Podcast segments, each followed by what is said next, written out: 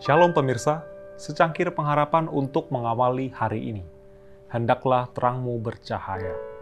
Demikianlah hendaknya terangmu bercahaya di depan orang, supaya mereka melihat perbuatanmu yang baik dan memuliakan Bapamu yang di sorga. Matius 5 ayat 16 Para utusan kemurahan diperlukan di seluruh dunia ada panggilan bagi keluarga-keluarga umat Tuhan untuk pergi kepada masyarakat-masyarakat yang berada dalam kegelapan dan kesalahan.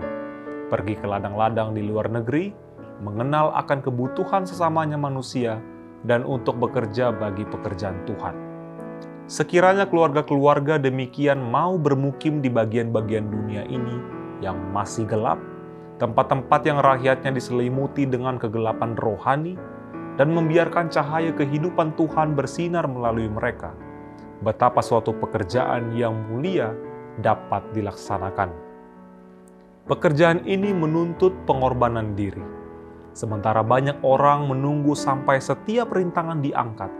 Pekerjaan yang bisa mereka lakukan sekarang dibiarkan terbengkalai, dan banyak orang sedang sekara tanpa pengharapan dan tanpa Allah.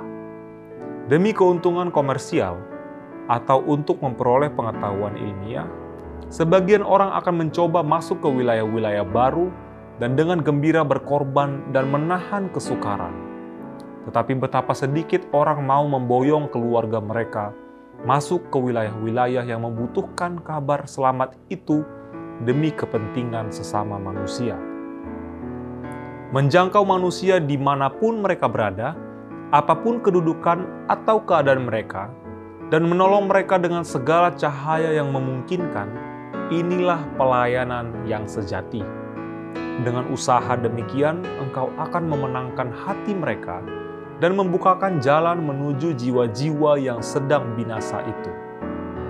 Dalam segala pekerjaanmu, ingatlah bahwa engkau terikat dengan Tuhan sebagai bagian dari rencana penebusan yang besar itu Kasih Tuhan melalui arus yang menyembuhkan dan menghidupkan itu harus mengalir melalui kehidupanmu.